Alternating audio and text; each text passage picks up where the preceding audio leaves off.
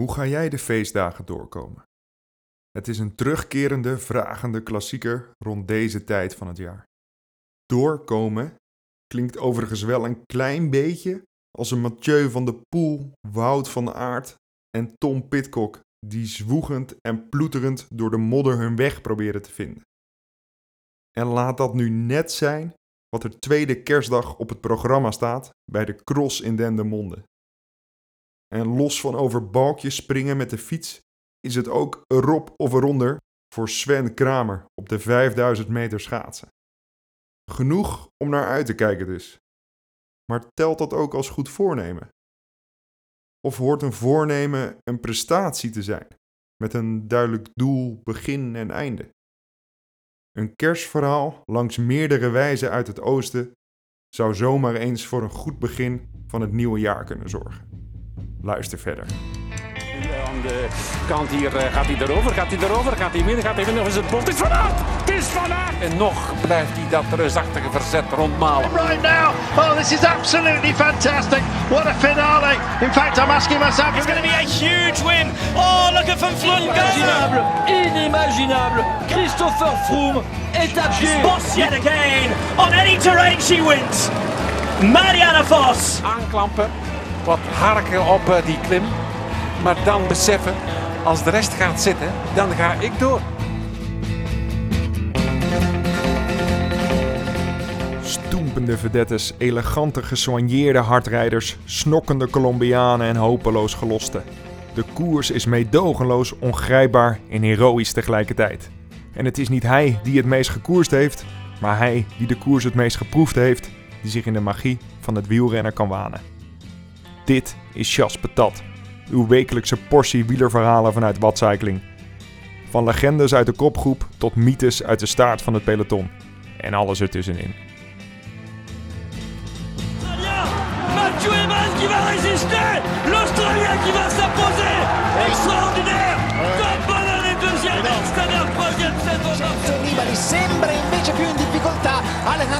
Valverde si muove anche Ricci Porta l'azione dunque di Contador tiene Nibali Inside. Mathieu Van der Poel's going to do it. Mathieu Van der Poel. This is incredible. I have never, ever seen anything like this in my life. Dit voor een goed begin. Als deze podcast verschijnt, zitten we volle bak in de kerstsferen met het volgende ritueel in de vorm van oud en nieuw nog op komst. Een tijd waarin we bij elkaar zijn. En als je bij elkaar bent, moet je iets doen. Het is een ramp om gezellig samen te willen zijn zonder dat er iets is wat allen bindt. En gezelligheid op zichzelf is geen bezigheid. Al dus Ludwig Wittgenstein in een brief naar zijn zus in november 1929. Ruim een maand voor de feestdagen maakte hij zich al zorgen over het aankomende kerstdiner. Ik snap die oude Ludwig wel. De schoonfamilies waar een ellenlang bordspel Risk de plek van het veldrijden innam. Het geluid van de top 2000 of Herbert Dijkstra en Martin Hersman werd overstemd door een onbekende BN'er met een of andere magere kersthit. En niemand bij een potje triviant wist welke wielrenner ook wel de das werd genoemd, hebben de voornemens van het nieuwe jaar zelden gehaald.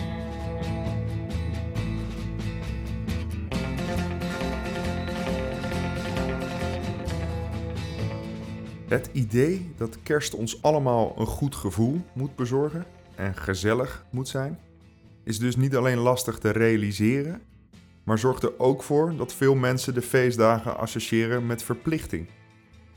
We leven namelijk in een tijd waarin het prima normaal is om het vieren van een feestje te laten lopen. Bijvoorbeeld door je verjaardag eens niet te vieren. En als we dan ook nog eens denken dat een feest het middel is tot het verkrijgen van plezier en genot op de door ons vastgezette tijden, dan gaan we het feest al gauw als een verplichting ervaren. Hierin schuilt een dwang. Het feest is alleen dan op dat moment. En als je er niet bij bent, heb je al gauw last van FOMO. En als je er wel bent, dan moet en zal het leuk zijn. Een beetje zoals bij Van der Poel en Van Aert. Als ze er niet zijn in de cross, is kijken een stuk minder leuk. Maar als ze er wel zijn, verwachten we ook gelijk dat ze winnen. Anders valt het toch wel een beetje tegen. Dus Laten we nu in ieder geval met z'n allen hopen dat Sven Kramer zich nog één keer plaatst voor de Olympische Spelen. Dan is er of reden tot feest, dat we met elkaar kunnen vieren. En zo niet, dan kunnen we in ieder geval samen een slecht gevoel en er collectieve ongezelligheid aan overhouden. Een matig kersthitje erbij en dan zijn we in ieder geval eensgezind.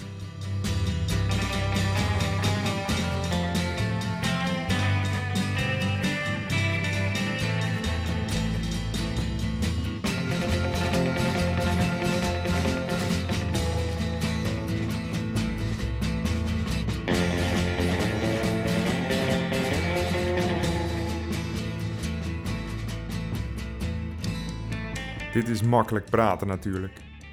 Een beetje met de koude fietsvingers naar andere wijzen hoe ze een feestje moeten vieren. En zelf lekker het een zeggen en het andere doen. Iets dat de mens niet vreemd is. De Stoïcijn Seneca schreef over het beheersen van boosheid en dat we ons niet moesten verliezen in het streven naar status en geld. Wat makkelijk praten is, als je miljonair en de belangrijkste adviseur van de immer boze en meedogenloze keizer Nero bent natuurlijk.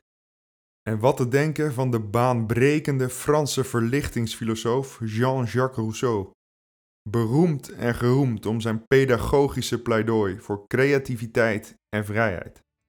Auteur van het nog altijd meest verkochte boek over het opvoeden van kinderen ooit, maar zelf wel zo vrij om zijn eigen vijf kinderen bij geboorte naar een weeshuis te brengen.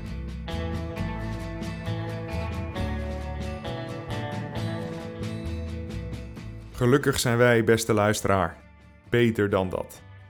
Of tenminste, dat uh, neem ik me graag voor, denk ik.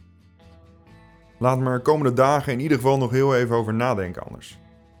Want naast de gezelligheid rond de gourmetschotel gebruiken we de dagen rond kerst en nieuwjaar doorgaans ook om terug te blikken en vooruit te kijken. Ook al hadden we dit volgens mij ook prima op 11 maart, 24 juni of 23 augustus kunnen doen. We gebruiken deze tijd om voornemens te maken voor het nieuwe jaar. Die andere dagen waren we gewoon even te druk. We praten over het verleden, tellen af in het heden en proosten op een verrassend open toekomst. Tijd voor een nieuw jaar met een nieuw vers begin.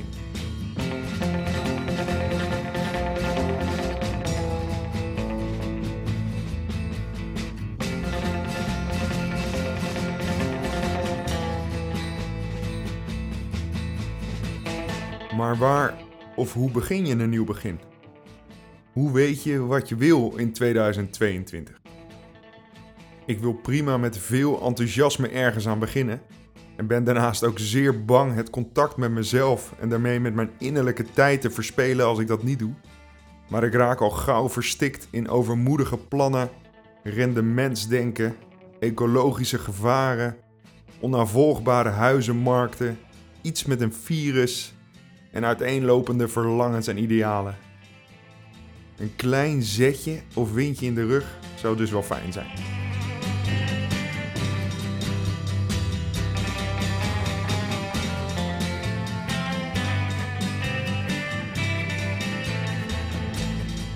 En om achter de juiste toekomstige voornemens te komen, ben ik gaan graven in het verleden.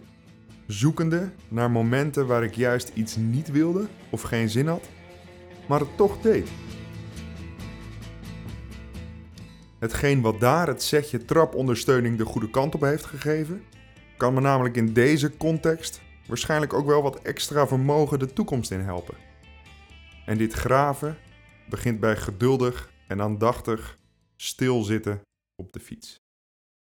Bij fietsen krijgen de voorbij gesprinte gedachten en herinneringen de kans te bezinken en voelbaar te worden.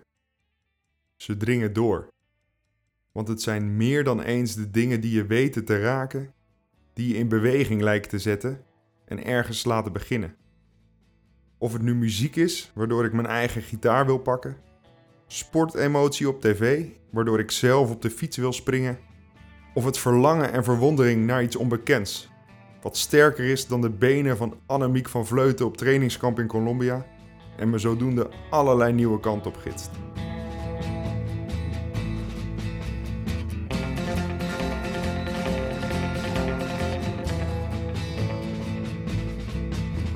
Terwijl ik minstens vier lagen aan fietskleding bij elkaar probeer te rapen, die ergens tussen de klerenkast en de wasmachine verspreid liggen, denk ik aan dat voelbaar maken en iets laten doordringen. Aan het je laten raken door iets. En wat voor rondje ik zou moeten fietsen om daar enige aanspraak op te maken. Gelukkig was een klein rondje genoeg. Want de hoop op een geraakt worden en daarbij een nieuw begin en goede toekomst is volgens Hanne Arendt niet zo ver weg. Zij stelt namelijk het volgende.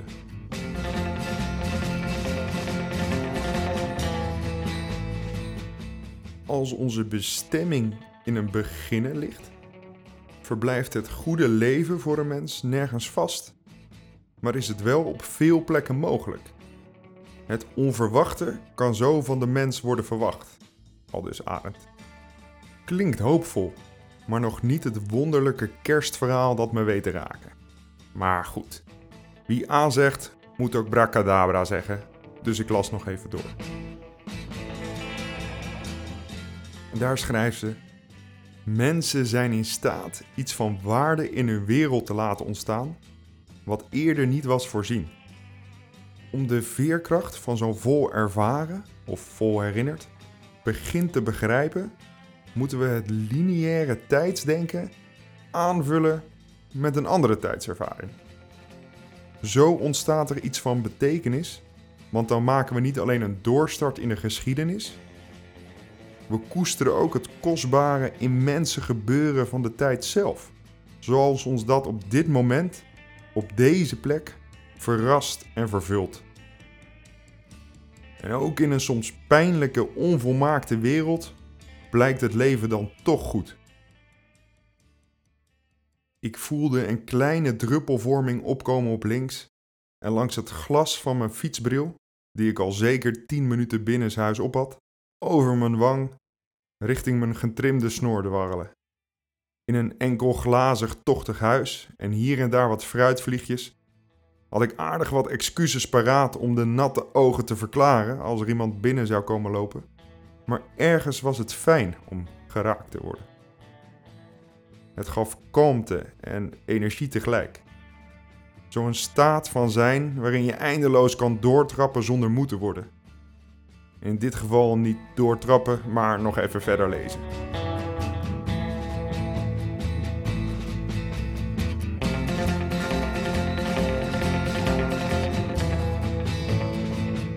Wie een begin maakt, schreef Arendt verder, voelt de rust in het oog van de storm. Volgens haar een rust die, ook al verschilt ze totaal van de storm, er toch deel van uitmaakt. En dan vind je vervulling in die meest intense beweging, in de kracht tot een nieuw begin. En dan droom je geen volmaakte wereld omdat de huidige niet voldoet, maar wil je in een onvermijdelijk weerbarstige werkelijkheid iets schitterends doorgeven.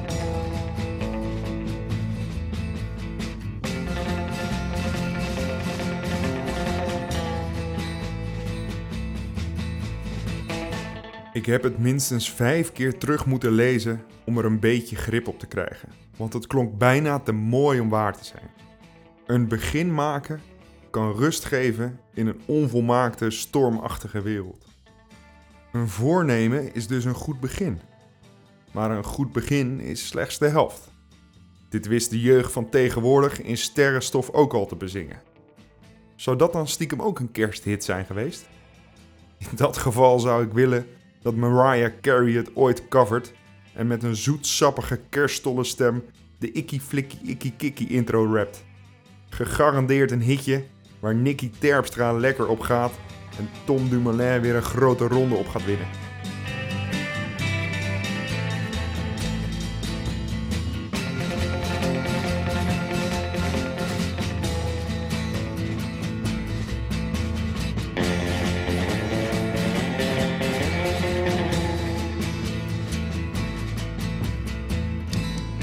Even terug naar wat er moest gaan gebeuren. Iets met krachten en intense beweging vervullen was het toch? Wat moest ik dan ook weer doen? Ah ja, het lineaire tijdsdenken aanvullen met een andere tijdservaring om betekenis te laten ontstaan? Hoewel deze vraag niet in triviant zit, wist ik onmiddellijk wie ik aan zijn staart moest trekken om deze aanvulling te volbrengen. Nu je slechts in tweetallen mag fietsen, is het een belangrijke keuze om te maken, want voordat je het weet, zit je 150 kilometer opgescheept met iemand met eenzelfde tijdsdenken. Maar voor deze vraag hoefde ik niet te dobbelen. Geen nuchtere, tijdloze Jari Liedmanen. Bevlogen toekomstdenker in de geblokte vorm van Mark Cavendish. Of levensgenietende live slow, ride fast tijdsvertrager Laurens den Dam. Maar een virtuoze Griek.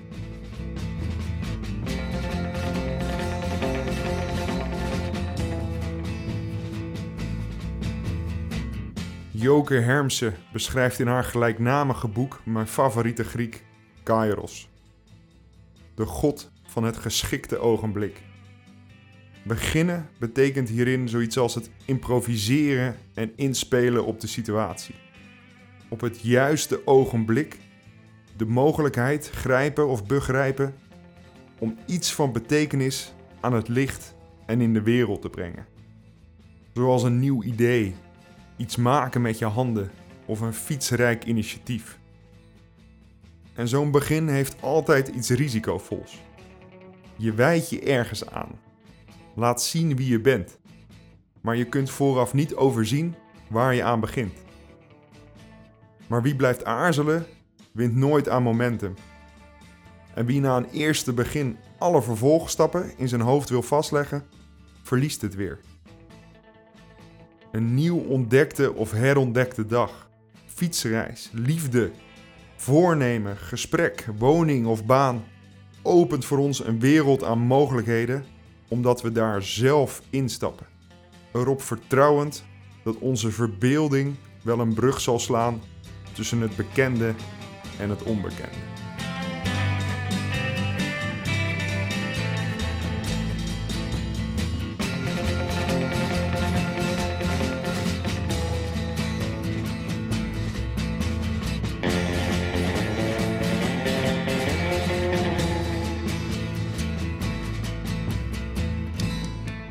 Deze oudejaarsperiode, waarin tijdsgeesten net wat duidelijker zichtbaar en bij elkaar komen, lijkt dus uitermate geschikt voor het ontwikkelen van nieuwe beginselen. Want zonder het besef van het verleden, toekomst en de verhalen waarin we ons al bevinden, kunnen we nergens goed aan beginnen. Hoe tof Eckhart Tolle ook mag zijn, het is niet alleen in het hier en in het nu leven. En met een ongeluk genieten onder het You Only Live Once motto zie ik ook niet zitten. Een nieuw begin in de toekomst gaat niet aan ons heden voorbij.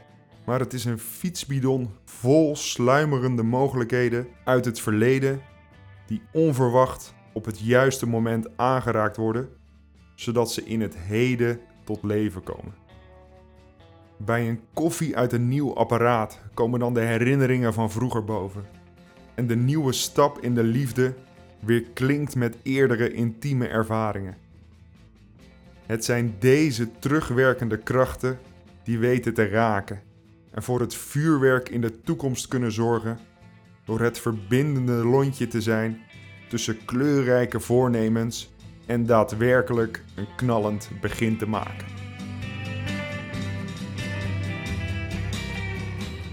Ik pak mijn fiets en loop naar buiten.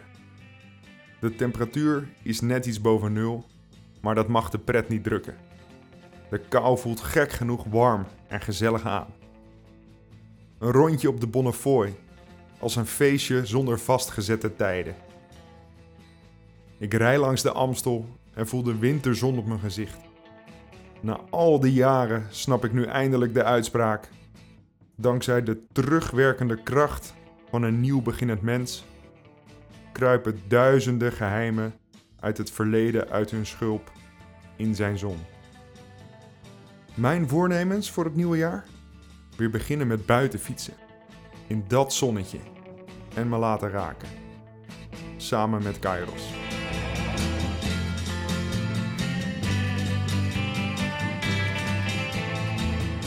Ik wens jullie fantastische dagen waar tijden en verhalen samenkomen en met aandacht naar elkaar geluisterd wordt.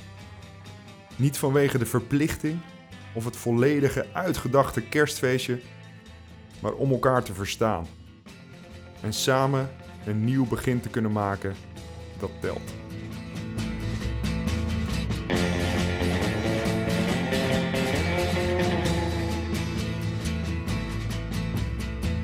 Bedankt voor het luisteren naar Chas Patat. Abonneer je op het Chas Patat kanaal om op de hoogte te blijven van nieuwe afleveringen. En het helpt ons ook weer om gevonden te worden door nieuwe luisteraars. Lees je liever zelf? Ga dan naar watcycling.nl slash chas patat. Want het is de streep die telt.